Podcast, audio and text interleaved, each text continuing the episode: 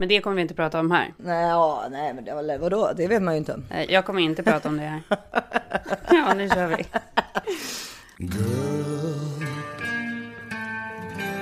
You'll be a woman soon. Hej Karin och välkomna alla lyssnare till This is 40. Hej, hej! Det här är Karin Bastin. Ja, och Isabelle Nofrini. Yes. Och vi är fortfarande på våra sommarställen. Det Och det regnar fortfarande. är anledningen Gud, ursäkta. Men jag, jag måste faktiskt skylla det här gäspandet också på vädret. Här, man, får ju, man blir så trött av, liksom, av det här vädret. Det är ett så här melankoliskt väder liksom. Nej men det, det, det tar sin lilla tid här med allting med både internet och, och, och, ja, det mesta. Men så är det ju på sommaren. Alltså allting är ju liksom lite på, alltså vad man nu ska säga, allting funkar ju liksom lite halvt. Lite, ske, lite skevt. Mm. Nej, men jag håller med. Och det är väl Men det är meningen. inte bara... Ja, det är väl meningen. Men det är ju inte bara lite skevt. Och så här, jag blir också nu så här, jag är lite provocerad över alla människor som bara, åh, bara semester och bara slappa. Alltså så är det inte hos mig. Jag är typ helt slut. Jag är helt slut. Jag liksom tvättar, städar, diskar hela dagarna. Då hjälper ändå de här barnen till sjukt mycket. Jaha, gör Men det de? är så mycket att fixa och plocka. Och då, då tror, nu tror ni att det är så här städat hemma hos mig. Oh my god, nej. Det ser ut som ett liksom Ja, hej kom och hjälp mig. råttbo. Ja, På tal om råttbo så köpte vi en ny soffa på Mio i veckan. ja. Vi har alltså haft samma soffa sen vi köpte det här sommarstället. Sen, det var 2008. December, december 2008. Och eh, Men det är inget konstigt. Så Nej. folk har soffor i liksom 30 år. ja, ja, nej, nej, jag menar inte att det är konstigt. Och jag tyckte om den där blommiga konstiga soffan från Ikea. Och du vet, Ja, eh, den den är kul. Men eh, då var ju Filip såklart, då var Filip uppe i Stockholm när de här Mio-killarna skulle komma och leverera den. Mm. Och inte, då, då fanns ju, det ingick ju inte att de skulle bära in den förstås. Utan det är liksom, de skulle bara ställa den på gatan. Så då, Mm. när de knackade på, jag bara du killar, eh, kan man ge en, eh, fem, eh, kan, kan ni ställa in den och ta den gamla soffan med er? Ja, så är man är van med det i USA. Ja, ja, det kör man alltså det håller man ju på med hela tiden. Att försöka liksom eh, muta människor att hjälpa en. För det är också så, det är så ofta man är själv så man måste ju. Mm. Ja, nej, Alltså, men i, så- i USA är det ju ofta så här, man beställt en tvättmaskin, då ingår att de tar bort den gamla. Typ. Ja men precis, men, man, men i USA så är, ingår ju det också att man då alltid ger Ja, eh, tipp. Ja det är, alltså, det är ju självklart. Men då i alla fall så um, då bara, ja men det, ja, ja, det är inget problem, det är klart vi är det va. Ja, och så kommer de, skulle de ta det. Och jag, jag bara 500 spänn, går ni med på det eller? Ja, ja, gud, då sa man att de blev, det blev de nöjda med liksom. Och, men sen när jag skulle då ta bort kuddarna, för jag ville ju hjälpa dem lite från den gamla, då var det ju liksom uppätet i hela soffan av, mö, inte råttor, men möss. Du vet, då har jag liksom legat där. Du vet, jag ligger, du vet ju hur mycket jag ligger i soffan och myser. Då jag liksom legat, och den var ju smutsig som fan. Alltså den var ju Ja, skitsmutsig. det var ju sådär. inte bara råttspår, det var ju liksom ett äppelskrutt från 2008 också. Men alltså, då har man ju ändå tvättat den liksom i alla fall, för det var ju sån här Ikea-tyg liksom. Men då, det här måste väl ha hänt de senaste två åren då. Eh, och då, det, var, det blev ju liksom lite pinsamt nästan för, Ja. för mig, för de där killarna. Ja, liksom, verkligen. Jag bara, åh fy fan. Nej, men de bara, vad är det här för äcklig kärring?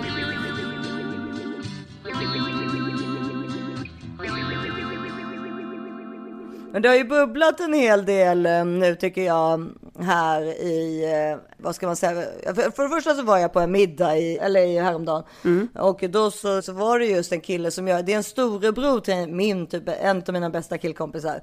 Så honom träffar jag liksom inte så ofta så han hade väldigt mycket frågor om liksom hur det var liksom att vara tjej och metoo och här saker. Metoo, vadå så här tre år senare? Ja, men det, jag tycker det bubblar igen. Jag såg på Nyhetsmorgon, det var sak. Det är möjligtvis att det har med Cissi Wallin-boken att göra. Ja, Snart kommer också Anna Björk och Nyhetsspanar. Idag ska Anna bland annat prata om vad metoo har fört med sig in i populärkulturen. Det om en stund. Det är kvinnliga artister som kommer ut med, det var någon som hette Ester någonting. Kommer inte ihåg vad hon hette efternamn som hade liksom by, fått byta skivbolag, alltså som ville liksom göra om henne till en helt annan sorts artist där innan metoo började liksom. Och blev liksom helt sexualiserad och så. Men nu, nu och, tänker du på, ja men du tänker att det bubblar här i Sverige, för det bubblar inte i USA. För i USA är det ju egentligen bara rasdebatten som bubblar Ja, just nu. men precis. Men det är ju liksom, de där sakerna går ju lite hand i hand eller vad man nu ska säga. För jag kan tycka också, vi, alltså vi har ju pratat lite om det där med metoo i tidigare program, men jag kan ändå tycka att vi inte, alltså det kan man ju aldrig prata klart om, men jag tycker, jag tycker ofta att jag tänker liksom att, åh, Liksom, hur långt har vi kommit egentligen? Alltså vad gjorde det för skillnad? Ja, det kanske gjorde lite skillnad. Jo, men det gjorde väl ganska stor skillnad ändå. Det tycker faktiskt jag. Nu har vi journalisten Anna Björk här. Det innebär att vi ska bli uppdaterade om vad som händer i nöjesvärlden. Och var vill du börja någonstans, Anna? Jo, jag skulle faktiskt vilja börja i metoo som vi har pratat väldigt mycket om. Det var två, år, två och ett halvt år sedan som den här revolutionen briserade. Och sen dess kan man tycka lite att det har kommit av sig och att det har liksom skiftat perspektiv och eh, lite sådär. Men det har kommit både positiva och negativa eh, konsekvenser kanske av metoo. Men om man tittar i popkulturen så finns det faktiskt väldigt mycket positivt. Och eh, bland annat hur liksom, narrativen i både musik, tv och film har förändrats. Och eh, där de här frågorna faktiskt har hittat en given plats. Så jag tänkte prata lite om några exempel på det som jag tycker är några bra tips att ta med sig ut i sommaren. Mm, vad är det första du tänker på då? Ja, men det första är här i Sverige och artisten Ester Wallé som, eh, som väldigt många andra artister, eh, kvinnliga och unga artister upplevde både att hon blev eh, ganska svårt manipulerad eh, av människor som hon jobbade tillsammans med. Men hon upplevde också ett sexuellt övertramp eller övergrepp i liksom sin arbetsmiljö som eh, liksom skakade hela hennes värld. Eh, hon satt nästan så här fast i då de här människorna som hon jobbade tillsammans med som hade både kreativ eh, då kontroll över henne men också över det som hon faktiskt hade producerat och hela hennes då dröm om att bli artist. Men istället för att kanske sluta helt med musiken eller ta en annan riktning så, eh, så lyckades hon få ett nytt skivbolag och en ny start på sin karriär och gjorde musik av sina upplevelser eh, tidigare i karriären. Då. Så hennes eh, EP som hon släppte tidigare i våras heter Times Up och där sjunger hon ganska tydligt om sina egna upplevelser. Eh, vi kan titta på ett klipp ur videon till låten som heter just Times Up. You say you don't remember that you put your hands on me. Was it really my fault that I was sitting there, total confusion? Then realized it's your own mess, your own mess. Your Ja, det här är jättebra, Anna. Vad har det kommit för reaktioner då på hennes musik? Eh, nej, men den har ju lyfts upp och blivit väldigt eh, omtyckt och också omtalad. Eh, jag själv har gjort en lång intervju med henne som publicerades i Svenska Dagbladet där hon berättar väldigt modigt om det här. Och jag tycker att det viktiga med det också är att det här perspektivet och de här upplevelserna är någonting som nu vi kan höra i låtar eller se i, i, i tv-serier, läsa i böcker. Det är liksom ämnen som tidigare varit dolda men också kanske farliga för kvinnor att prata om. Eh, Så det är jätteviktigt att eh, det kommer ut och eh, når ut på det här sättet som Ester Wallé har gjort också. Och viktigt att vara en röst för det här, att fortsätta våga och orka. Och En annan som, har, som är det, det är ju Cissi Wallin. Absolut. Som har skrivit en bok som har varit lite omtalad, Anna. Precis, den eh, har redan den har inte kommit ut än. Den kommer ut först 28 augusti tror jag. Eh, men har redan talat väldigt mycket om, just på grund av det då farliga innehållet i den här boken. Förlaget som skulle ge ut den först stoppade boken eh, just på grund av att de tyckte att de inte ville ge ut en bok där eh, författaren riskerar att hamna i fängelse på grund av innehållet i boken. Så hon har nu bestämt sig för att ge ut den själv och jag har läst eh, boken, i, fått ett förhandsexemplar av den faktiskt och läst. Och eh, det är ju en otroligt eh, omskakande och viktig bok som jag tycker att eh, alla borde ta del av och läsa faktiskt. Den handlar ju naturligtvis eh, om hennes perspektiv på det som vi kanske alla känner till om den här personen som hon kallar för mediamannen i boken. Men den handlar också eh, om den väg som en kanske ung person som kommer från landet och vill in i media eller eh, kulturbubblan eh, i Stockholm. Den snitslade väg och bana av sexuella övergrepp, mer eller mindre uttalade eller grova, som eh, eh, så otroligt många tjejer har varit utsatta för. Så att den handlar faktiskt inte bara om just Cissi Wallin och eh, den här mannen som hon har anklagat. Just det, och när du har läst den då, Anna, förstår du då att förlaget stoppade den? Eller? Eh, det är inte min sak att säga riktigt, men eh, de... Eh, det finns ju ingen namngiven person i den. Naturligtvis är det ett kontroversiellt ämne, men eh, jag tycker att det är en så otroligt viktig bok att den kommer ut eh, framför allt. Så ehm, jag önskar att ett förlag hade vågat ge ut den också förstås. Nej men för jag, jag, jag tycker fall, jag tror Cissi Wallin har ju säkert, alltså hon är ju modig liksom och också hennes ork är ju helt otrolig. Absolut. Alltså för, för, på tal om att du säger att du alltid är trött liksom. Alltså hon har två så små barn. Ja. Och liksom orka skriva bok och vara i rätten och vara rädd att till och med kunna Mm. kanske hamna i fängelse. Alltså ändå fortsätta orka. Och bara det. Ja, vi- ja, vi ska vara jätteglada att det finns kvinnor som är riktiga aktivister. Och det här har vi pratat om. Du och jag är ju inte aktivisterna. Och det är ju tyvärr så liksom. Nej men precis. Och det, det som jag kan tycka också är så himla fascinerande är ju liksom att hon, för jag skulle ju vara så otroligt rädd framför allt. Alltså jag skulle ju vara rädd att folk kom och knackade på och ville typ mörda mig. Hon har ju sådana människor som säger jag vill döda dig din jävla hora och sånt där. Jag kom, De vet ju var hon bor någonstans såklart. Alltså det är ju Sverige för guds skull. Och hon, hon har ju inga säkerhetsvakter eller liknande på, liksom, med sig. Alltså, nej, men jag tycker det är så fascinerande med människor som inte har rädsla, som är så modiga. För bara med att få barn tar ju bort det där modiga. Alltså, jag vet, alltså hormonellt liksom. Absolut, det är liksom starkt att vara modig. Det Jag är är ju rädd för mycket. Så, Ja, ja. men jag är ju ännu räddare. Om du säger att du är rädd för mycket, då är jag ju rädd för allt. men precis. Men och då, när då i alla fall allt det här, um, och varför jag överhuvudtaget kanske det ligger mycket på näthinnan är för på grund av två saker. För det första för det jag började, jag vet att jag är sen på bollen, men jag började läsa klubben då. Som handlar ju då om kulturprofilen och Svenska Akademin, alltså Jean-Claude Arnault som han heter. Eh, och Katarina Frostensson och deras liv och forum och all, hela allt. All, hela liksom vad de höll på med. Eh, Börja liksom med hela hans uppväxt eller, eller liksom det, den är så sjukt bra skriven. Alltså helt otroligt. Jag har inte läst den, men jag lyssnade ju på eh, P1-pratet. Ja, det finns en P1-dokumentär som heter Kulturprofilen, Svenska Akademin och kvinnorna eller något sånt där va? Ja, Det var obehagligt att lyssna på. Ja. Det var liksom ett, men det är bra, det är ett wake-up call och det är liksom, man ska inte glömma bort de här sakerna. Nej, och det som var så jävla intressant med det som vi inte, jag kanske inte ens har sagt det till dig, men jag har ju umgåtts med Jean-Claude Arnault. Ja, det är så jävla sjukt. Nej, det har vi aldrig pratat om förut. Det fattar jag inte heller att vi inte har gjort, för vi har ju pratat jättemycket om alla de här sakerna. Ja, men det är väl också det som är, eller umgås och umgås, men det, det började egentligen med att jag har en eh, tjejkompis, eller hade, vi är inte kompisar längre, som eh, liksom alltid var tillsammans med väldigt mycket äldre gubbar, alltså väldigt mycket äldre. Vi var ju liksom 20-25 ungefär och de här gubbarna var 60-65. Jag tror det var vanligare när vi var yngre, att man dejtade liksom äldre män. Det gjorde ju alla, jag gjorde ju också det. Ja, och, men du dejtade inte 65-åringar? Precis, det är det jag menar. Det stod med stor skillnad var det inte. Men det kunde ju vara så här, det kunde ju vara 10-20 år, absolut. Ja, ja, ja, ja, ja, jag vet precis vilka du pratar om. Jag kände ju dig då. Nej men jag pratar, jag pratar om ännu men det är också så här, det är så intressant att du tar upp det här. Nej, jo, jo, men efter 18 Ja. så har jag ju känt dig, så jag vet ju Ja, vilka men- gubbar du pratar om när du säger det. Nej, det vet du faktiskt inte, för den jag pratar om nu är ännu tidigare. Det här är faktiskt helt sjukt, för jag kommer att tänka på det häromdagen när jag var på Gotland.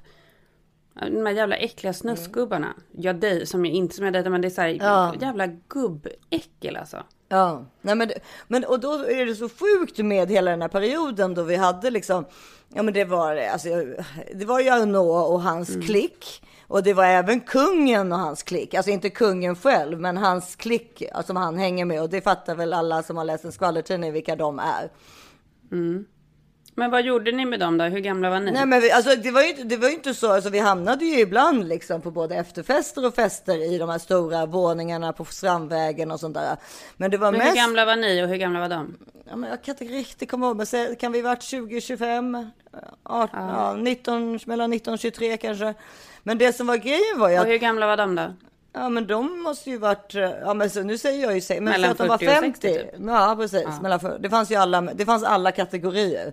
Men, Men, alltså du vet ju hur sjukt och äckligt det här är. Du vet om du tänker på Filip så här, i- stå på någon så här våningsfest och så ska det liksom vara tjejer där som är typ och tio år äldre än Selma. Alltså det är sjukt. Ja, nej men det är skitäckligt. Men det som var roligt och, in- och kul, jag tänkte att vi kunde ringa Ebba sen som jag umgicks med på den tiden. Men vi, vi pratar klart lite om detta först. Men det var ju att det var inte så att vi fick någonting ut utav det. Alltså de betalade inte för oss. Till exempel. Alltså det var, och vi tyckte ju att vi utnyttjade dem. På vilket sätt då? Ja, men du vet, för att vi gick hem och skrattade åt hur patetiska de var.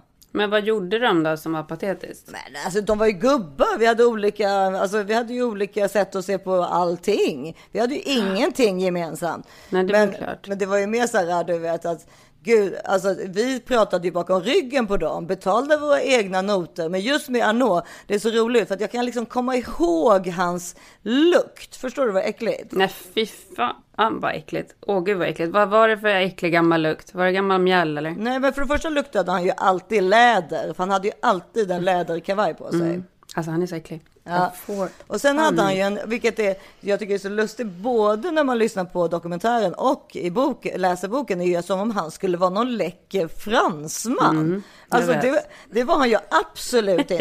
Det är ju bara att titta på bilder. Läckra fransmän har vi nog av, de, alltså Ja. snälla. Han var bara en ful, äcklig, kort gubbe med en stor vårta på överläppen. Ja men alltså man ser ju att han är jätteslisig. Det finns ju ingenting attraktivt hos honom överhuvudtaget. Nej, och han har inga färger direkt. Han har ju mörkt långt hår, hade mörkt långt hår, har väl kanske det fortfarande, men och liksom någon scarf och en läderjacka liksom. En läderkavaj var det.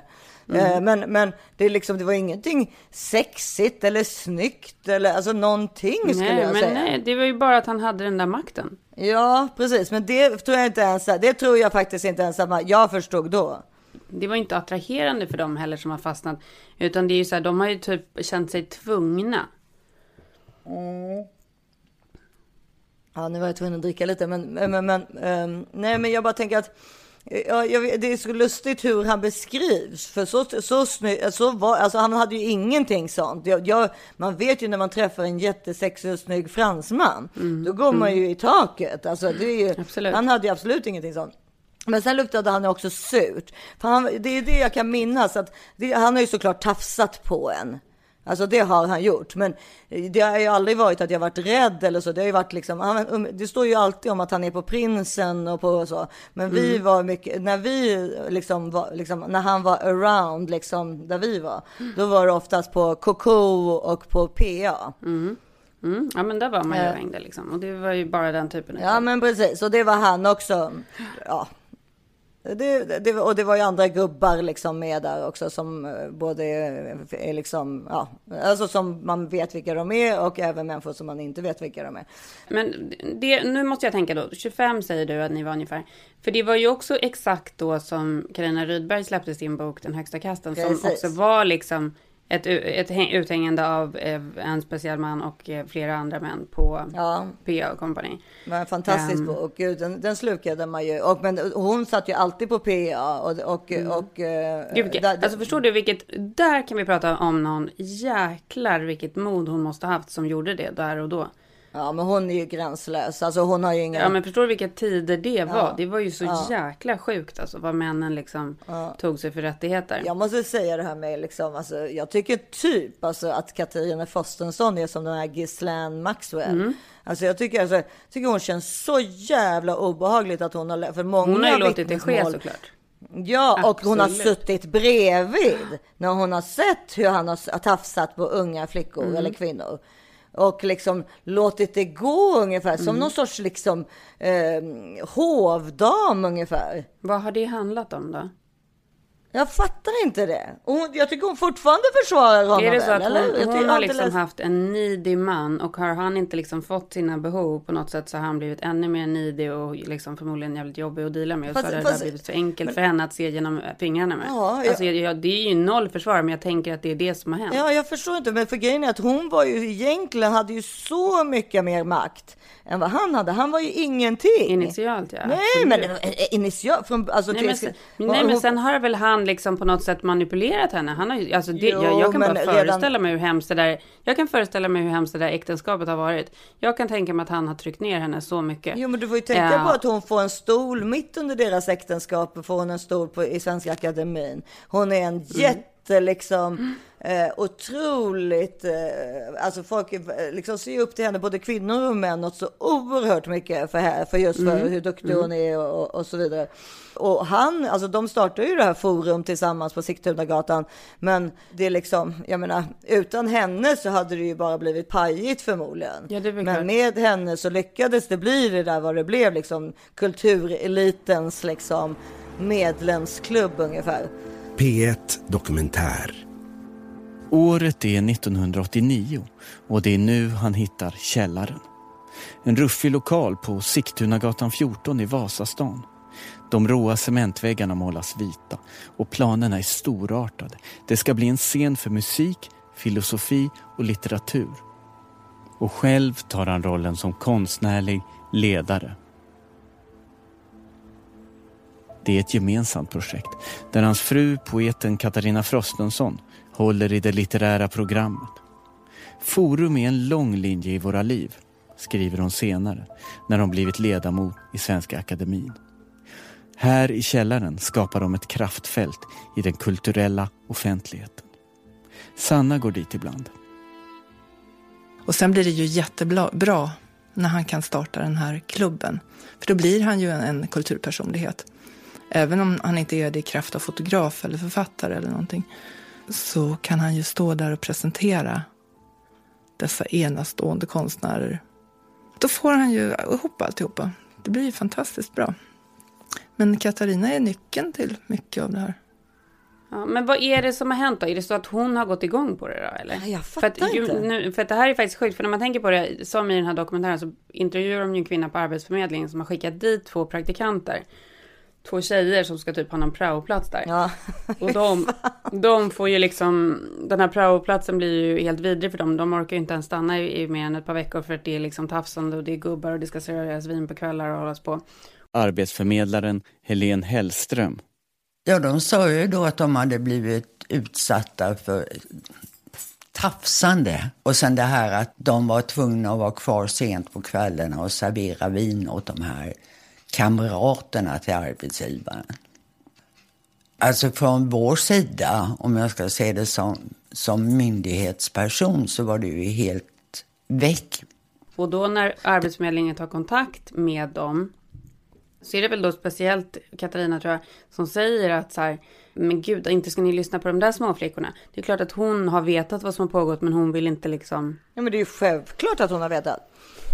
Men varför gör hon så? Jag vet inte, men vilka, jag tycker att vi Hon är ringer- ju en enabler. Alltså Ja, det en, måste hon göra. Typ vad, som en- kallas, vad kallas en enabler på svenska? Ja, jag vet inte, men typ som en feeder fast med, Med beroende med typ eller? sex liksom. Men vad jag kan tycka, Ja, vi kanske kan ringa Ebba. För det första så är hon ju i kulturen Mm. för att hon jobbar ju med konst. Och eh, så hon vet ju fortfarande. Och redan då jobbade hon på Lars Bomans galleri som på den tiden var liksom Mm. det bästa galleriet i stan. Så hon, hon var Absolut. ju i den här världen liksom. Eh, vi ringer och kollar vad hon säger. För hon kommer också, hon har världens Bra. bästa minne så jag hoppas att hon kommer ihåg mer än vad jag kommer ihåg. Ska vi se vad hon säger? Let's do it. Let's Mm. do it. Hej, det är Issa. Hej. Du, eh, jag och Karin sitter här och pratar om Arnault-tiden. Ja, Ja. Men ja, exakt. Men vadå? Nej, men jag tycker att metoo bubblar här igen nu med Cissi Wallins bok och alla möjliga saker som håller på att hända. Plus att det får, det får ju aldrig stanna. Metoo är väl det viktigaste vi kan hålla på med. ja, ja. Men, men kommer du, har du några roliga anekdoter? För till exempel, eller du som också är lite i kulturvärlden, hur, vad, hur kan Frostenson ha låtit det här gå liksom så här långt? Eller huvud- varför har hon sett mellan fingrarna? Hon var ju mycket coolare än vad han var. Han. Alltså, absolut. Men grejen var att jag kommer ihåg honom mycket väl. Det gjorde, vi var ju ute och träffade honom jättemånga gånger i Sätra. Du var ju med också då. Ja, Men det var ingen som, alltså i vårt umgänge var det ingen som tog honom på allvar. Han var ju bara liksom faktiskt ett skämt. ja. Ja, men jag håller med. Så kommer jag ihåg det som också. Och ful och äcklig liksom. Ja, absolut. Men han var ju väldigt, det var en sak som var uppenbart, det var att han var jätteförtjust i små tjejer, inklusive oss. Men vi, eh, ja, men liksom, vi fattade tror jag att han var liksom inte härlig att hänga med. Nej. Och vi intresserade oss inte för honom heller. Men sen så fanns det ju många liksom, kring oss som faktiskt var intresserade av den sfären. Plus att hans fru, eh, hon var ju aldrig med. Hon var aldrig ute. Nej, det var han ju hon ju inte, men hon, det finns ju liksom, jag läser ju boken Klubben där, där finns det ju vittnesmål då som säger att de, hon har suttit bredvid och sett vad han har hållit på med.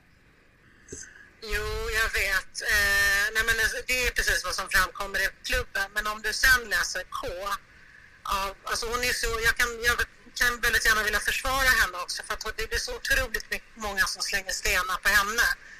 Hon är en jättespeciell människa, hundra gånger mer begåvad än vad Klådan är. Hon har ju verkligen, det är en sak kan man säga, hon har verkligen stått bredvid honom i det här. Och jag tror att eh, så jäkla ovanligt är det inte. Hon har blivit en symbol för kvinnor som blundar, ja. Men hon är inte ensam om det. Men har hon varit förälskad i honom eller har hon varit rädd för honom? Varför har hon gjort det? Eh, jag tror att hon... Jag tror att han är... Jag, som sagt var, jag var aldrig intresserad av honom och ta reda på vem han är. Men jag tror att han är en oerhört skicklig person på att dupera människor. Och jag vet ingenting om hennes bakgrund, men det kan ju vara så att hon har du vet, känt, känt en trygghet med honom. Han, han var ju väldigt beläst och han har ju också... Han gjorde ju också några bra saker, får man ju säga, i hennes sfär. Ja. Hela Forum var ju faktiskt en intressant plats. Jo, men skulle inte, skulle den vara, skulle den vara så intressant om inte hon också var inblandad? Eh, Ja, men det vet jag inte. Men, nej, men det är klart att hon bidrog. Det var ju många som bidrog, men han hade faktiskt näsa för att plocka upp både litteratur och konst som var liksom, som, som, som, själv, som var mer under ytan liksom. Ja, Det var det. Men faktum är att jag pratade med en kompis häromdagen och hon hade gått på honom och henne. De bor ju i Vasastan, dit för övrigt du också är på väg. Mm. Så ni kommer typ bli grannar. ja, Och han, eh, nej men han går ju, han har ju, han är ju, han sitter ju inte i fängelse längre, men han är ju, han har ju åldrats typ 20 år och går med helt så här nersänkt huvud. Det ska han göra. Och eh, hon bredvid, de, deras liv är ju ganska annorlunda idag. ja. Jag Men, trodde faktiskt att de skulle flytta till Frankrike. men hur kommer det sig enligt dig? För jag har ju så dåligt minne. Varför, alltså, varför, alltså vi, för i, mitt, i min värld var det ju så att vi inte liksom, de, vi kände ju oss inte utnyttjade utav dem, utan tvärtom. Vi utnyttjade ju dem så vi hade något att skratta åt dagen efter på något sätt. Ja, men vi var väl lite liksom, vi sökte ju också ett liksom ett annorlunda kul människor hela tiden. Vi sökte ju aldrig umgänge, vi sökte ju udda typer. Och det är klart att liksom, då ramlar man ju över sådana som Klådan till slut. Ja, till slut. Ja, det gör vi fortfarande för övrigt. Vi söker efter kul människor hela tiden. Ja, exakt. Ja, Men, han, men jag vet att han var på mig jättemånga gånger att jag skulle komma till forum och eh, lyssna på någon speciell grej. Men ärligt talat så, allting med honom, alla signaler gick i min kropp att det här är en slingsbag. ja. Ja, det, och det är precis så var det ju. Men det var ju, det var ju alla hans polare också. Ja, jo, jo, det kanske det var. Men samtidigt liksom när han liksom radar upp alla dem som... Han hängde ju faktiskt med det som är så här äckligt kallat för Stockholms kulturelit.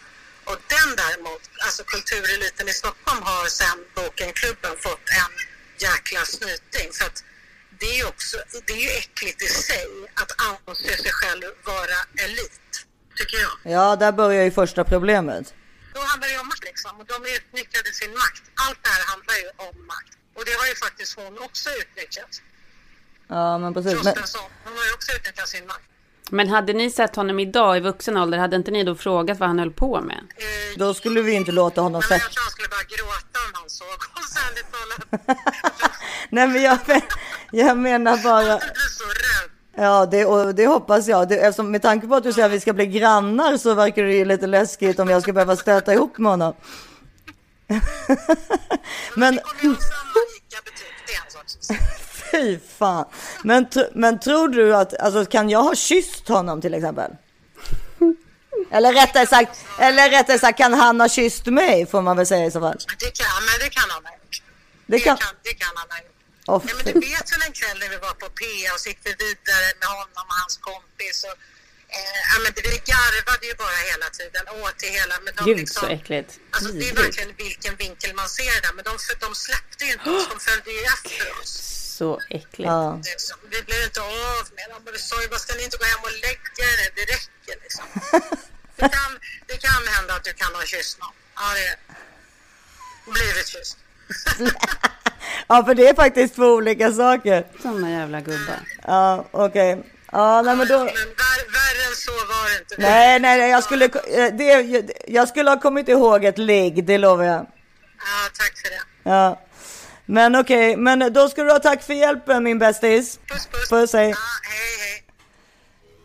Nej, men jag tänker så här med den där tiden. Vi var ju så himla unga och som sagt, vi tyckte ju väl det var kul och allt det där. Men jag har ju pratat och jag, jag tycker ju, alltså både du och jag tycker väldigt illa om att prata liksom skit om kvinnor. Alltså vi pratar ju oftast med, hellre skit om män och sådär. Men under hela den här metoo-grejen bland annat så till, finns det två stycken människor som jag verkligen, som verkligen jag tycker sticker ut i att inte ha liksom egentligen blivit så att säga straffade eller åtminstone i alla fall, ja men kanske lite som Ebba sa, hon bara, men hon vill ändå försvara Katarina Frostenson.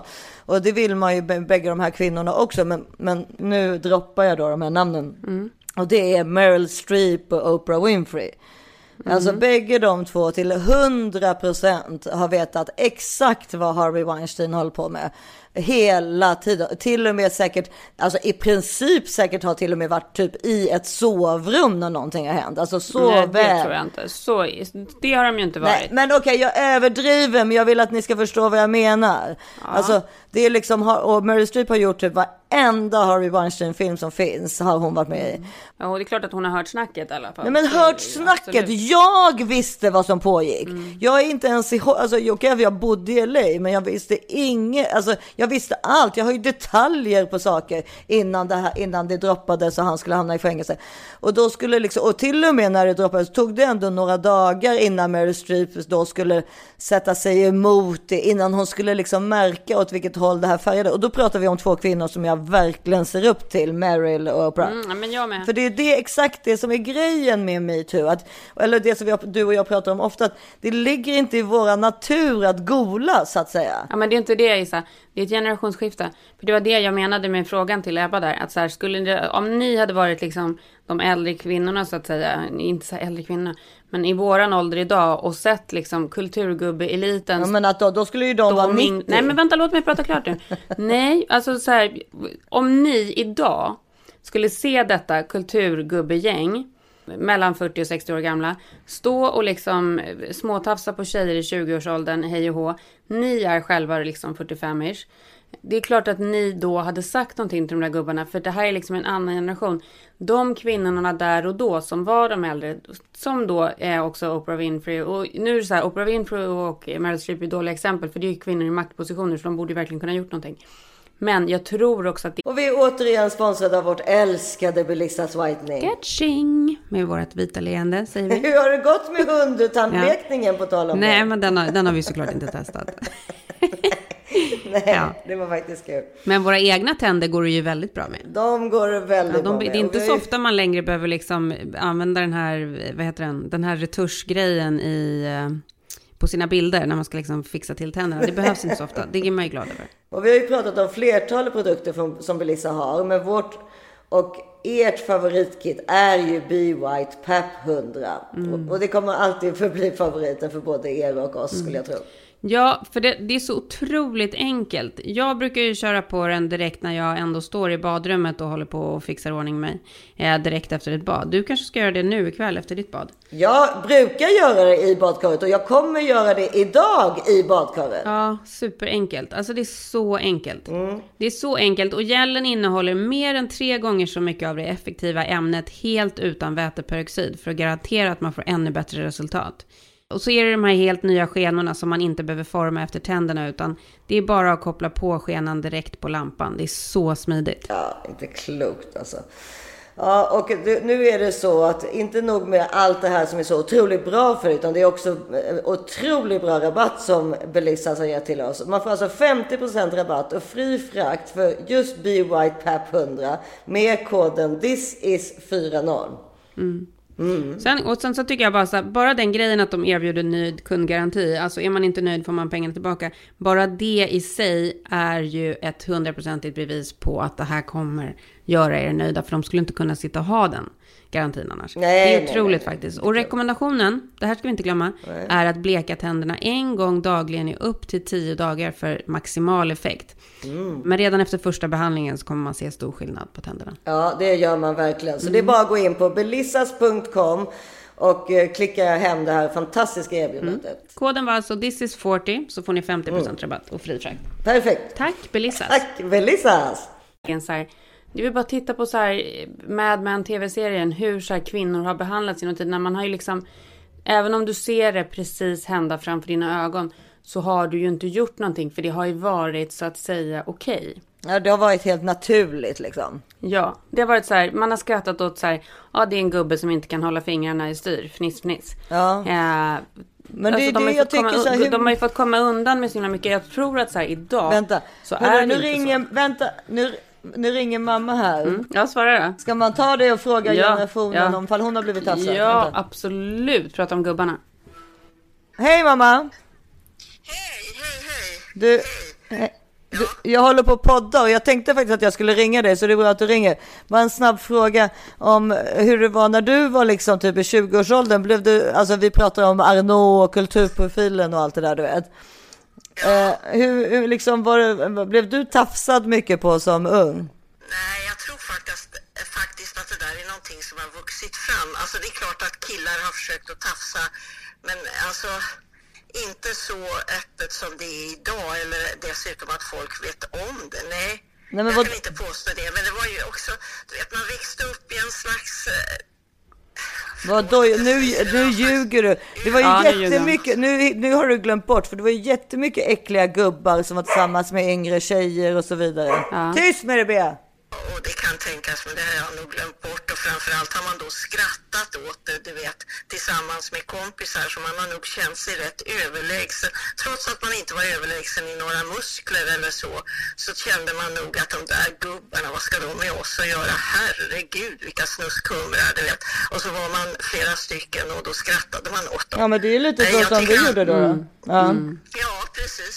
Alltså man tyckte det var lite lattjo att, att de ens hade tid att glutta på oss. Alltså, för vi hade verkligen inte tid att glutta på dem.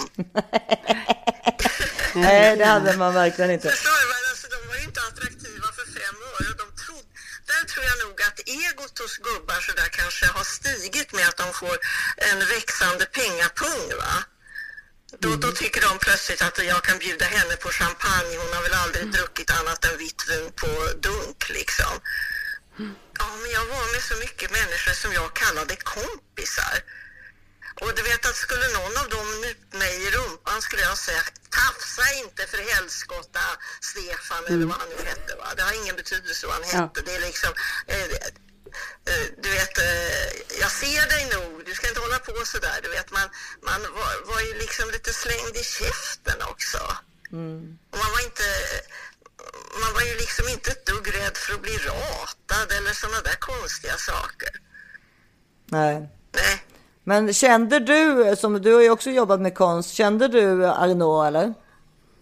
Eh, nej, det tycker jag inte att jag har gjort. Men det är mycket med, han har väl med all säkerhet varit eh, och gluttat på Bukowskis olika eh, visningar. Men, men eh, jag vet inte att han stod på några speciella listor eller så. Jag tror att han hade så mycket med sitt nedra forum att göra på den tiden så att det liksom, eh, han höll på med sitt forum och jag höll på med Bukowskis liksom. Okej, det. okej, Ja, men jag får, eller var det någonting du ville eller varför ringde du? Nej, nej, nej, inte alls. Jag såg att du hade ringt. Hade jag? Ja. Jaha, det har jag glömt bort. Okej, då hörs vi sen. Ja, Ja, ja, hej. Men hur mycket har egentligen förändrats då? Alltså, Nej, inte saker du- och ting förändras sakta och det borde förändras mycket snabbare. Jag säger inte att vi ska vara tacksamma över den här lilla förändringen som har skett. Jo, det men, kan jag vi är ganska men- öv- men jag är ganska övertygad att om så här, redan idag är, ser det ut på ett annat sätt. vi ser inte genom, med, genom fingrarna på de här olika sakerna, på de här gubbarnas beteenden. I alla fall inte i storstäder och så. Jag vet inte hur det är i småstäder. Men jag tror att vi är mycket liksom tydligare med att visa att det är fel. Eh, skulle jag se det på liksom ett mingel skulle jag säga till. Vi pratar med våra barn på ett helt annat sätt om Ja. vad som är okej och vad som inte är okej. Var det någon som någonsin pratade med oss om de här sakerna när vi var små? Inte mig i alla fall. Nej, jag vet inte. Var det ens någon vuxen som pratade med oss överhuvudtaget? Typ?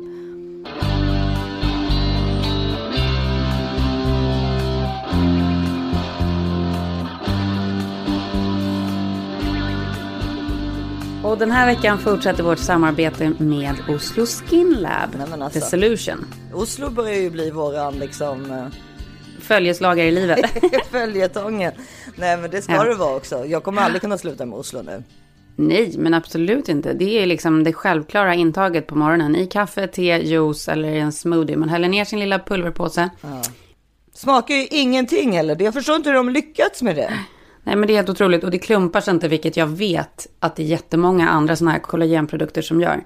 För kollagen är det som The Solution då innehåller. Kollagen är något som man verkligen behöver.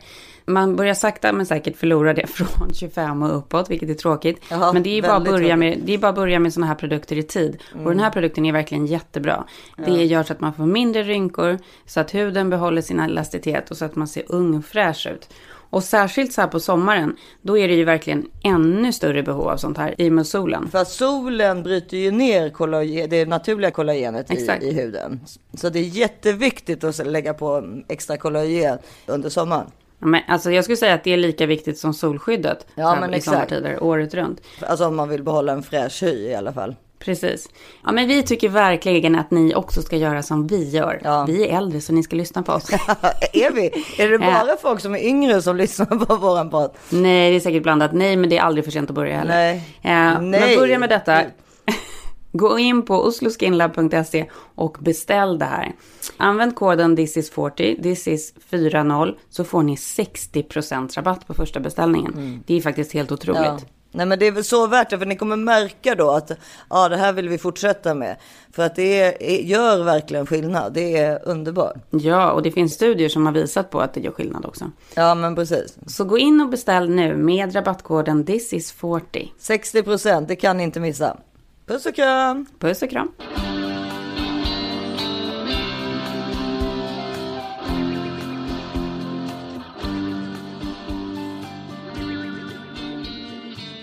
Jag vill berätta en grej om, den här, om de här jävla gubbarna då.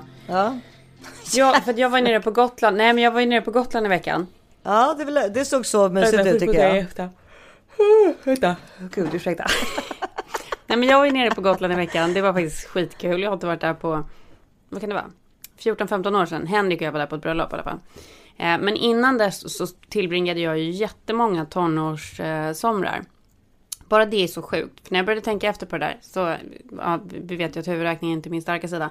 Men första gången jag åkte dit var nog på sommarlovet mellan åttan och nian tror jag med min bästis Lisa. Och vi cyklade ner, jag cyklade på färjan och alltihopa. Campade på Vadå Snäck. cyklade till det, här, vad heter det, sam, där man tar färjan från Stockholm? Ja. Nej, det vet jag inte om vi cyklade till att ta färjan. Vi kanske fick skjuts till färjan då. Men vi cyklade i alla fall. Ni hade Eh, cyklat cyklarna med. Ja. Ja. Eh, och cyklar till... eh, Men för det första är vi alltså... Det kan ju betyda att vi är 13 eller 14 då, max. Max 14 år gamla. Det här gjorde vi själva. Det fanns inga mobiltelefoner eller någonting. Cyklade till den här campingplatsen Snäck där vi då campade och tältade. Och så, så tog man något extra jobb i kiosken typ. Alltså det är så sjukt. Ringde väl typ aldrig hem. Träffade såklart jättemycket äckliga snuskgubbar. Men också så här unga killar som man blev kär i. Man satt i tältet och spelade gitarr och hade så vet så här. Jag har mycket roliga minnen därifrån. Ja, mysigt ju. Mysigt. Ja, och sen så här, vi höll på sådär några somrar. Och sen kom jag ihåg att det måste vara då sommaren när jag kanske är 15. Så var vi där och hyrde någon lägenhet. Absolut, det var ju mysigt, men det var ju också, alltså det var wild. Det var ju verkligen farligt egentligen. Alltså vi var ju liksom helt Ja, urspårade. det är klart. Allt man gjorde på den tiden var ju farligt. Då kommer jag ihåg, då var vi där, vi hyrde någon lägenhet och jobbade. Är det inte så sjukt också att jag kunde jobba med typ så här, jag, om jag inte minns fel så jobbade jag också med alkoholservering lite. Att man kunde göra det när man var så liten. Jo, nej men alltså det kan man. För jag jobbade ju på Park Hotel på room service när jag var 15. Ja, men jag Alltså, nog 15 jag, jag kom upp med vinflaskor Mm, och nej, jag vet. Det är serverade så till sjukt, folk. jag. Det- Jag var tvungen att öppna vinflaskor. Jag tror inte man kan det idag. Nej, absolut Nej. inte. Men då i alla fall så gjorde vi det. Och, sen, och jag jobbade så här, sålde munkar, sålde rosor och alltihopa. Och vi, ja men det var ju bara fest och liksom fylla hela tiden såklart. Ja. Man jobbade ju för att kunna festa. Ja, och det så hela träffade ju, vi, träffade ju vi ett gäng. Ja. Som stod bakom på då, jag tror att det var Snäck då. Eh, så var det ju så här modelltävling varje sommar. Och så, jobbade, så träffade vi då gänget som hade hand om modelltävlingen, vilket var då så här en modellscout, en kille som var liksom gammal modell, som var typ 40-45 kanske. Och sen så var det en kvinna som kanske typ var runt 50. Och de där hängde ju vi med. Du förstår hur gamla de var jämfört med oss, det är så sjukt. Kanske att vi var 16 då. Men skitsamma, det här Men är ju ni liksom... tyckte också att de var väldigt gamla eller? Ja, men vi tyckte de var rätt kul och så här festliga liksom. Men den här Ja. modellscout-killen var ju efter mig då såklart. Och det var ingen som tyckte det var konstigt heller. Alltså det, det, det är så konstigt. Mm. När man tänker på det här idag. Alltså jag mår så dåligt när jag tänker på det. Om det här skulle hända min lilla tjej. Men det är ju pedofili. Det är ju det som är så sjukt. Det är klart att det är. Alltså- Men då var det ju inte det. Folk fattade ju Nej, inte det det, då. det. Du vet, det är ju så jävla sjukt. Ja. Det var liksom helt okej för de där jävla gubbarna att ragga på småtjejer. Mm. Och, och för, den 50-åringen och de var inte tillsammans det här paret eller? Nej, Nej. de var ju liksom, jobbade ju med modelltävlingen. De var ju inte så talangscouter liksom. Ja. Nej men liksom det är och, och letade modeller till tävlingen. Och bara, det, bara hela den där grejen med det där med att leta modeller till modelltävling på Gotland. Nu har jag ingen aning om det fortfarande är modelltävlingar på Gotland på somrarna. Jag hoppas att det inte är det. Men det är så jävla omodernt. För det är liksom... Men hela grejen som vi växte upp med, så här, med Hawaiian Tropic och de där grejerna, då kanske fortfarande finns då. Jag hoppas att det har moderniserats något i alla Vad fall. var det? Du vet sån här wet t-shirt contest. Ja. Det är ju jävligt. Ja, men och det är ju fräscht. typ men som alltså, om man det är skulle göra wet t-shirt contest på, på snoppar liksom. Nej men... Wet kalsong content. Nej men alltså, nej det är liksom skandal hur, hur tiderna såg ut. Det är sjukt. Det är, vi växte upp liksom i Benny Hill-samhället. Ja, liksom, men- Där det var så här, folk, och dels att folk skrattade åt på tvn, Benny Hill som var liksom, det var ju bara en gammal tafsgubbe som tafsade på unga tjejer. Jo, men... Och dels att folk skrattade åt som att det var typ den roligaste komediprogrammet någonsin. Du vet det är så sjukt. Men grejen är att jag tror att wet t-shirt contest finns fortfarande. Du vet på Mallis och Kanarieöarna och så. Jag tror det. Ja, jag vet inte. Jag, jag läste en grej som jag i alla fall tyckte var ganska positivt. Och det är ju så här, jag, jag tycker det är hemskt med modelltävlingarna och alltihopa. För det är liksom, det är så jävla dumt att så, tävla i någon slags skönhet.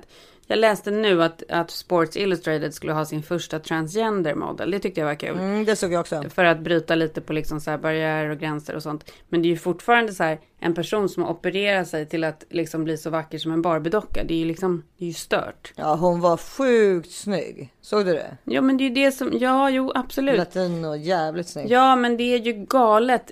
Den här grejen med att utseende. Att det ska hålla på att tävlas i Ja. utseende. Ja. Det är ju hemskt. Ja. Det är faktiskt, ja. Och så här Chrissy Teigen nu som jag har, som jag verkligen tycker, jag tycker hon är så kul och så härlig med sina matrecept och hon är liksom humoristisk och alltihopa. Som nu tog ut sina bröstimplantat som fortfarande står och tar liksom så här selfiebilder på sig själv där de posar på ett sätt så att man liksom ser helt onaturligt perfekt ut. Hon är ju perfekt också. Det är klart att hon är det, men det är en galen värld. Jag såg ett annat Instagram-inlägg från någon idag som visade hur man kunde göra hur man liksom förvanskar sin kropp i, i videoformat. Alltså man, jag visste ju att man kunde göra det liksom i stillbilder, men man kan ju göra det även på video nu. Så kan Vadå, göra... alltså photoshoppa så att man blir snyggare fast i video? Ja, Ah, det finns Mm. liksom appar som gör att du kan så här, när du rör dig kan du liksom få, alltså, kan du göra så att din kropp ändå ser smalare ut och du får en större rumpa, du får en mindre midja och alltihopa. Det är väldigt bra att det kommer ut, att de visar de där apparna så att folk verkligen förstår att det är inte på riktigt hur folk ser ut. Mm, men grejen är att Men det jag tycker att det sjukt. finns... Alltihopa är sjukt. Det, det finns ju också någon sorts grej där, framförallt i USA just nu, att många kvinnor då lägger ut så här, så här ser jag ut i verkligheten. Mm. Men problemet är att de som gör det är ju, alltså tusen gånger liksom Smalare än eh, smalare än vad man själv någonsin har varit ändå. Och så ska det vara så här, shit, ser du ut så? Och vad modig hon är. Ja. Och vad modig hon är. Mm. Och då blir man ju så här, det, det är ju bland annat den här som vi kanske har pratat om innan, hon not skinny but not fat eller vad hon heter. Ja. Hon har, ju, hon har ju gått igång på det där som fan. Att, eh, Ja, att, hon repostar ju sånt och det är väldigt roligt. Ja, faktiskt. och så, så har hon så här kommentarer om så här, vadå, var det något konstigt att du hade en liten, liten, liten valk under bröstet som man knappt ser Ja. och sen som du har Ja. tagit bort för att du står på ett speciellt sätt liksom. Ja. Eh, och, det, och det blir ju larvigt, för om man nu ska göra sådana där, att titta på mig innan och efter, då måste det ju verkligen vara en skillnad. För då är det ju imponerande, på, alltså då menar jag inte att man har photoshopat bara sättet att stå på eller att man har andra sorts, för det, sånt vill man ju lära sig, typ så här, hur jag, vilka sorts bästa kläder passar jag i Mm. för att det ska se bäst ut Mm. och så vidare. Det skulle ju väl vara intressant liksom. Men om det bara är... Jo, absolut. Jo, det är klart att det är det. Men, men det, det, Men det har ju bara med att man vill känna sig bekväm och liksom, jag behandlar inte om tjock eller smal, utan det är ju liksom vad, vad, vad, vad känner jag mig mest, alltså så att jag kan gå ut och känna mig bekväm och mysig typ, eller vad man nu ska Mm. säga. Alltså, Men jag vill ju att den, jag vill att den unga generationen ska se de här avslöjande eh, posterna där man liksom får reda på att det är inte på riktigt. Det här är gjort med den och den appen och hon har stått på det här sättet. Nu tror jag att, tyvärr att det är vi som är lite äldre som kanske drabbas mer av de där posterna än de yngre. nej, jag vet inte, jag har ju en flicka du vet i tonåren, jag kan säga, det är väldigt, väldigt utseendefixerat alltså. Jo, men det är det jag menar. Jag hoppas att hon ser att det är fejk. Ja, jag hoppas att hon får posterna de- som de- visar att det är fejk. Problemet är att många 13, liksom 14, 15, och alltså då, i den generationen, den nya generationen som växer upp då. För de är ju liksom Kardashians, alltså hela den generationen är ju det som de ser upp till. Alltså det är ju liksom typ så man ska se ut. Och det jobbiga med det är ju att alla de i den sorts Instagram-världen är ju alla omgjorda för att se ut som typ Kim Kardashian. Ja, de ser inte ut så på riktigt. Nej, nej men alltså de ser alla likadana ut. Det tycker jag. Alltså jag har till och med börjat titta lite på så här svenska unga influencers. Jag ska inte nämna namn. Men det är ju samma sak där, även med killar alltså, båda killar och tjejer. Det är liksom, det, det är det här contouring, sminka sig på ett speciellt sätt. Killarna har alla exakt samma kläder på sig. Tjejerna, alltså det är liksom, det är som ett gäng exakt likadana människor som kommer. Och din egen ras. Och så var ju vi också. Alltså, men vi hade inte samma sätt att, alltså vi höll ju inte på med Nej, plastik. Issa, vi var inte det. Gud vad, jag tycker vi var så... Jo, med kläder. Med jag kläder tycker var vi det. Nej, inte jag var inte det. Alltså jag tycker jag var så... Alltså jag tycker att jag hade en sån egen stil. Jag sydde ju fan mina egna kläder. Ja, okej, ja men det är ju bra i så fall för att jag tänker när vi all, man alla skulle ha Chevignon-jackor, man alla skulle ha det, alltså man skulle vara lika på det sättet en viss period i skolan liksom. Men, men eh, och så hade vissa inte råd med det och då blev det Nej, liksom. jag hade inte råd så jag fick sy min egen champignon. Ja, men precis. Men, men då kanske liksom, med, nu är det ju så mycket mer med smink och liksom den här contouring som kan göra att ditt ansikte ser liksom helt annorlunda ut än vad det är från Jag hatar början. contouring, jag tycker det är så fult. Det är så, nej, men det är så konstigt framförallt för vilken Ja, jävla skillnad det kan bli Ja. liksom. Ja, men, det är kon- men det är också så här konstigt att behöva göra sig själv, alltså att, att tycka att man måste förändras så mycket som man ska sätta och göra så mycket olika skuggor i sitt ansikte. Och så ser ju svenska influencers ut till 100 procent också. Ja, och jag såg, jag såg ju faktiskt ett sånt par, nu när du säger det. Det här var faktiskt sjukt, det är så sjukt att jag inte berättade det. Men jag var ju veterinären förra veckan med Buster för han skulle ta en rabiesspruta. Mhm. Och kommer ut i väntrummet eh, och så måste vi sitta där ute i en kvart. Man måste göra det för att se så att de inte är allergiska mot sprutan. Och då sitter ett par som jag först tänkte säga, bara gud jag känner igen dem. Jag trodde, trodde först att de hade varit med i Paradise Hotel. Ja. Och så sitter de liksom på bänken mitt emot mig. De sitter på bänken mitt emot mig. Och lyssnar du på mig nu? Ja, jag såg en bild bara. Ja. På oss Ja. alltså. De sitter mitt emot mig på bänken och sen så säger hon så här. "Åh, Och där är en. Och så sitter jag så och tittar på dem. Jag kan liksom inte titta. Jag är också, man har blivit så gammal som man sitter och glor på folk. Nej, gud, och, ja. och sen börjar hon klämma pormaskar på honom. I väntrummet. Med alltså mig som publik. Du vet, jag visste inte vad jag skulle titta. Och det var så här, det var pormask efter pormask. Det var så Men sjukt. kunde du inte, kunde du inte, skra- kunde ni inte börja skratta åt det? Det gick inte. De hade... Nej, jag titt, jag titt, nej men du vet, det här var fullt allvar för dem. Det var liksom, det var allvar och helt naturligt. Det, så tänkte jag så här, ja, jag tänkte så här, okej, om ni är tillsammans 20 år till kommer ni inte göra det på varandra. Nej, men de kommer inte vara tillsammans i 20 år till, så det är bra med det. Nej, fy fan, vilken jävla relationsdödare. Så vidrigt. Alltså, så? Gör du det på Henrik? Nej, aldrig i livet. Men jag kan nog tänka att jag kanske gjorde det någon gång i så början, men jag skulle aldrig göra det nu. Gud så hemskt. Jaha, nej, jag har aldrig gjort det. Men, men eh, det är samma sak med det här med typ att dela tandborste. Nej, fy vad äckligt. Nu kommer jag ihåg att jag var ju tillsammans med en person som jag tyckte hade så äckligt tandborste så jag var tvungen att lukta på den. Ja men du var ju, blev ju besatt. Att jag Den- kan, den den. historien kan du ju berätta. Den är så- faktiskt jävligt äcklig. Nej men att jag, nej men det var ju någon gång när jag hade sovit över hos honom och så hade jag glömt tagit med tandborste. Och så hade han dragit tidigare på morgonen, så skulle jag gå och så skulle jag borsta tänderna. Det här var också en, det här var ju en gubbe faktiskt. Det här var ju en utav Nej, gubbarna. Ta, sluta. Det, Det- säger du inte. Han var i alla fall 15 år äldre än vad du var. För det har inte med det att göra. Det har ju, nej, det var ju att han hade Varför dålig andedräkt. Det var inte att det var liksom, han var äldre som gjorde det. Ja men det Nej. kan ju komma med åldern också. Det var ju inte som en jättesnuskgubbe. Nej men han var ju mycket äldre än vad du var. Nej, men Punkt han var slut. 10-15 år eller? Ja men det är väl mycket. Men det här var ju ingen äcklig gubbe på Nej. det sättet. Jag var ju för fan kär i honom. Ja, halvt Jo. Issa, vi var tillsammans. Ja ja, okej. Skitsak samma. Nej, men jag hade glömt min tandborste och så står jag där i badrummet på morgonen och ska typ borsta tänderna innan jag går till jobbet. Och tar upp hans tandborste och bara... Va? Vad är det här för någonting? Jag kände liksom en sån liten doft. Ja. Och så bara började jag lukta på tandborsten och bara, men gud så äckligt.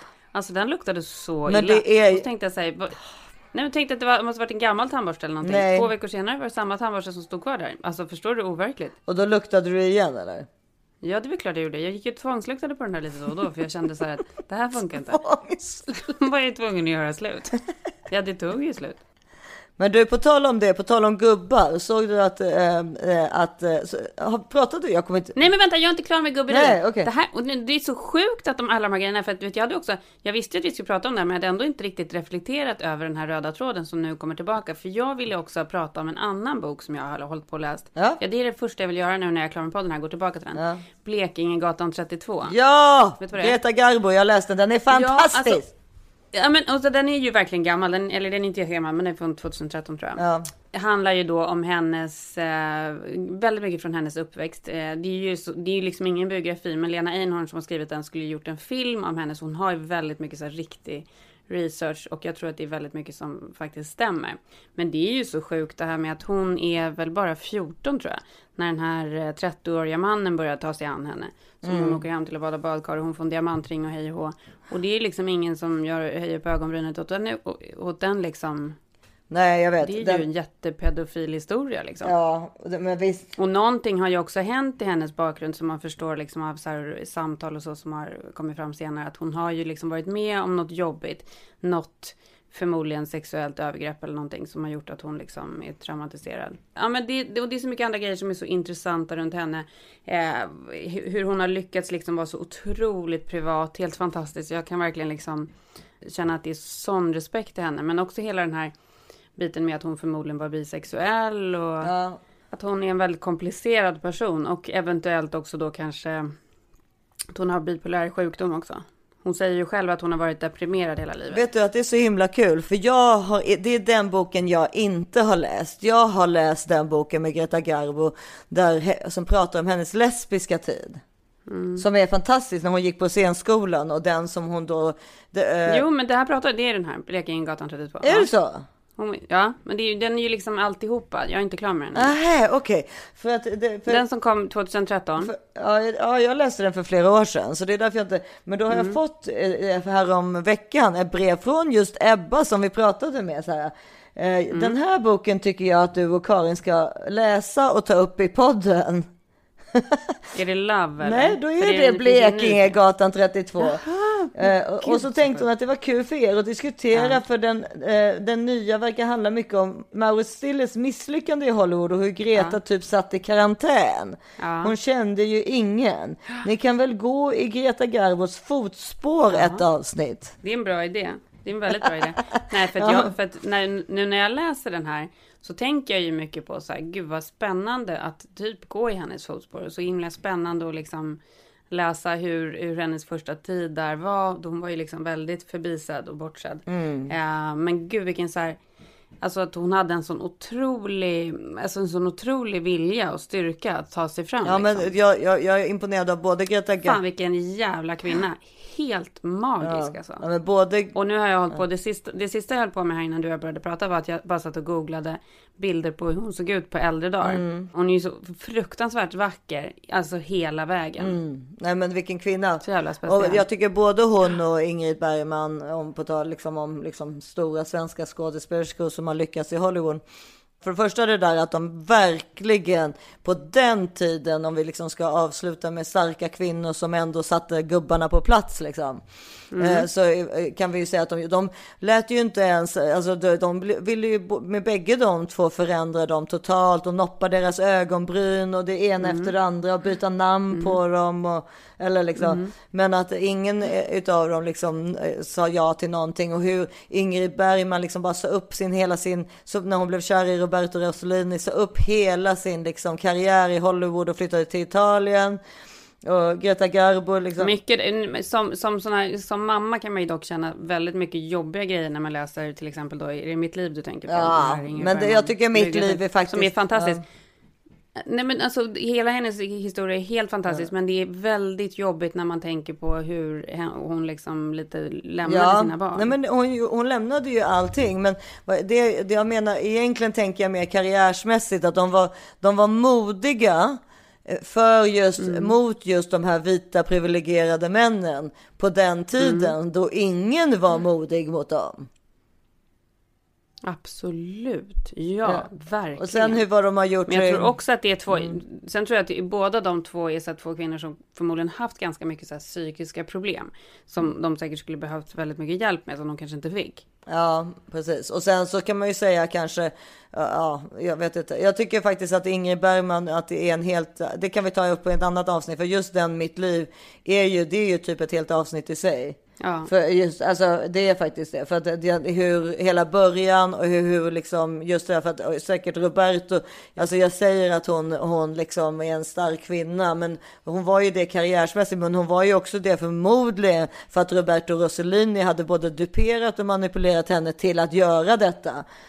Och det var ju också en vit privilegierad man så att säga. Exakt, så, att, exakt. Ja, så att jag menar, vad är bättre? Jag vet inte. Men Sjukt bra böcker, alla de här böckerna. Står sig klubben i förhållande till de här böckerna? Ja, och alltså, jag är så imponerad av den här Matilda Gustafsson som har skrivit den här klubben. För hon är ju också, alltså, på, alltså hon, jag vet inte när hon är född, jag kanske ska googla det. Vågar ja. ni lyssnare höra ifall Ja. jag googlar? Det kan ta lite kortare tid. Kanske, om vi har tur. Gustafsson. Ehm, hon är alltså född...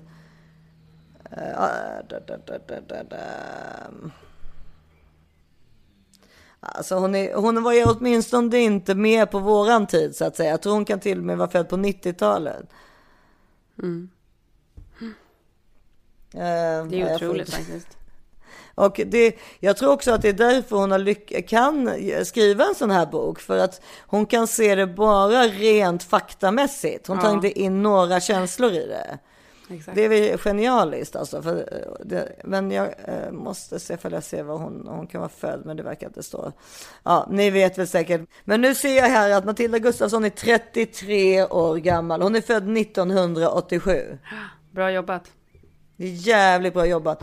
Alla borde läsa klubben. Det har säkert alla redan gjort såklart. För att eh, jag, jag Jag är ju har sen på bollen. Nej, jag vet, men vi har inte gjort det som kanske bor, bor i USA. Men jag menar alla svenskar som, när den väl kom så var, blev det ju såklart en jättehit liksom. Ja, verkligen. Ja, Eh, ja, inte för att vi inte läser svenska böcker. Svenska böcker kan också faktiskt forslas och skickas till Ja, Amerikat. Ja, det, vi, vi läste ju mycket svenska böcker där. Ja, nej men och sen så, så, som sagt, och Blekingegatan är ju en fantastisk bok också med, om, om Greta Garbo. Men alltså den är så underbar nu att läsa på sommarledigheten. Ja. Få, få minuterna man har. Men jag ligger liksom på, på nätterna med här liten läslampa och bara Ja. plöjer. Det är det bästa sättet att somna är att eh, läsa en bok och inte titta på sin telefon. Det tipsar vi om. Ja. Sen ska Karin gå och lägga sig igen. Exakt. Yes, yes. Nej då. Tänk att vi fick in pormaskar här också bland all kultur och allt. Ja, jag har ju faktiskt fått in lite bastning här ute och det är ju typ det bästa mot pormaskarna om vi nu ska prata beautykort. Ja. Det är det absolut bästa man kan göra, basta. Ja, det är du ser väldigt fräsch ut. Nej men och har man ingen bastu så är det ju fram i kastrullen som man gjorde förr i tiden när man var Det- yngre. Det är alltså, ju värsta hjälpen. Nej, men det är ju varje gång in, när jag kokar, alltså när jag tar ut uh, silar pastan. Kör, alltså, du ja, så kör, Nu tömmer du på maskarna samtidigt. ja, så kör jag huvudet ner liksom så att jag får som en ångbastu på ansiktet. Alltså vad fan, man får ju, man måste ju prioritera, alltså. Ja, där är det, det är multitasking. Men, det är multitasking, ja. Och det går ju Ja, för det är lite för snabbt. Det hade ju varit bättre att ha lite längre, men. Ja, men för ett hemmaspa är det bästa som finns. Men jag har verkligen glömt bort det där med kastrullen. Men jag tänkte på det nu när min hy har blivit så himla bra här med all bastun. Jag joggar ju varje dag också. Och sen, jag Joggar? Joggar varje dag. Och sen så går Nej, jag direkt till sluta, bastun. nu måste vi lägga på. Det orkar jag inte höra. Jag skojar. Okej, så thank Fattar God. du? Det är klart att det aldrig någonsin skulle kunna hända. Nej, det blir ett glas vin på eftermiddagen och sen in i bastun och så är det liksom purmansgränsning. Alltså man behöver inte ens göra något, de försvinner av sig själva liksom. Man behöver inte ens eh, klicka dem efteråt eller vad det heter. Nej, jättebra. Ja, det är Det är bästa. Ja. Och har ni inte bastu då så tar ni kastrullen och ångar Ja, ut det dem. var, det var veckans tips. Eh, Mm. Medan ni kokar broccolin så ångar ni bort purmaskarna Ja. också. Gör det. Tills ni hör oss igen nästa vecka hittar ni oss på Instagram som this is 40 podd. This is 40 podd. Ja, och jag heter Isabelle på Instagram.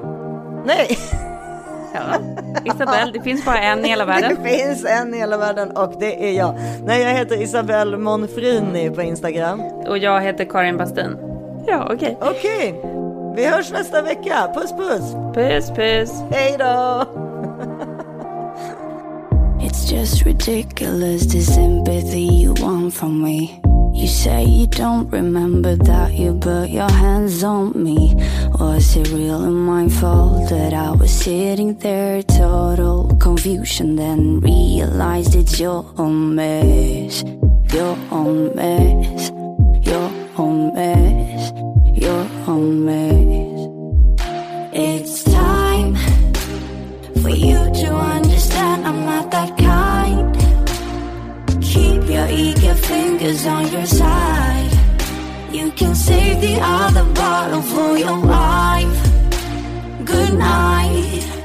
It's time for you to understand I'm not that kind. Keep your eager fingers on your side. You can save the other bottle for your wife. Good night and good No one will ever believe her. Nobody cares how we treat her. Manipulate and just feed her. Let her just think that she needs us. I couldn't hear what the others were saying. The house was on fire, but I couldn't smell it. H O N E S T Y. That's how you spell it. Your answer was always no reason to panic. Listen, can you hear the violins playing while you're thinking, oh, how romantic? Or is it just tragic? It's time for you to understand I'm not that kind. Your fingers on your side. You can save the other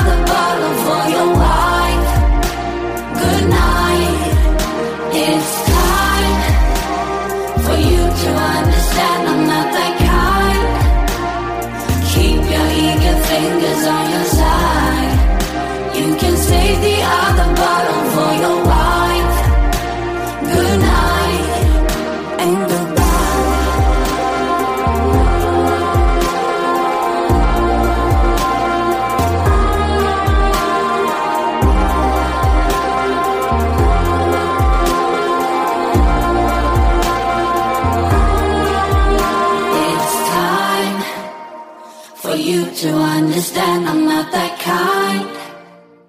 Keep your eager fingers on your side. You can save the other bottle for your wife. Good night and goodbye. Ja, Hallå? Pizzeria Grandiosa? Jag vill ha en Grandiosa capriciosa och en pepperoni. haha, något mer? Med kaffefilter. Ja, Okej, ses samma. Grandiosa, hela Sveriges hempizza. Den med mycket på. Välkommen till Unionen. Hej! Eh, jo, jag ska ha lönesamtal och undrar om potten. Ja, om jag kan räkna med övertidsersättning för det är så stressigt på kontoret jag jobbar hemma på kvällarna så kan jag då be om större skärm från chefen för annars kanske jag säger upp mig själv. Och hur lång uppsägningstid har jag då? Okej, eh, vi börjar med lön. Jobbigt på jobbet. Som medlem i Unionen kan du alltid prata med våra rådgivare. Just nu till alla hemmafixare som gillar Julas låga priser. Ett borr och bitset i 70 delar för snurriga 249 kronor. Inget kan stoppa dig nu.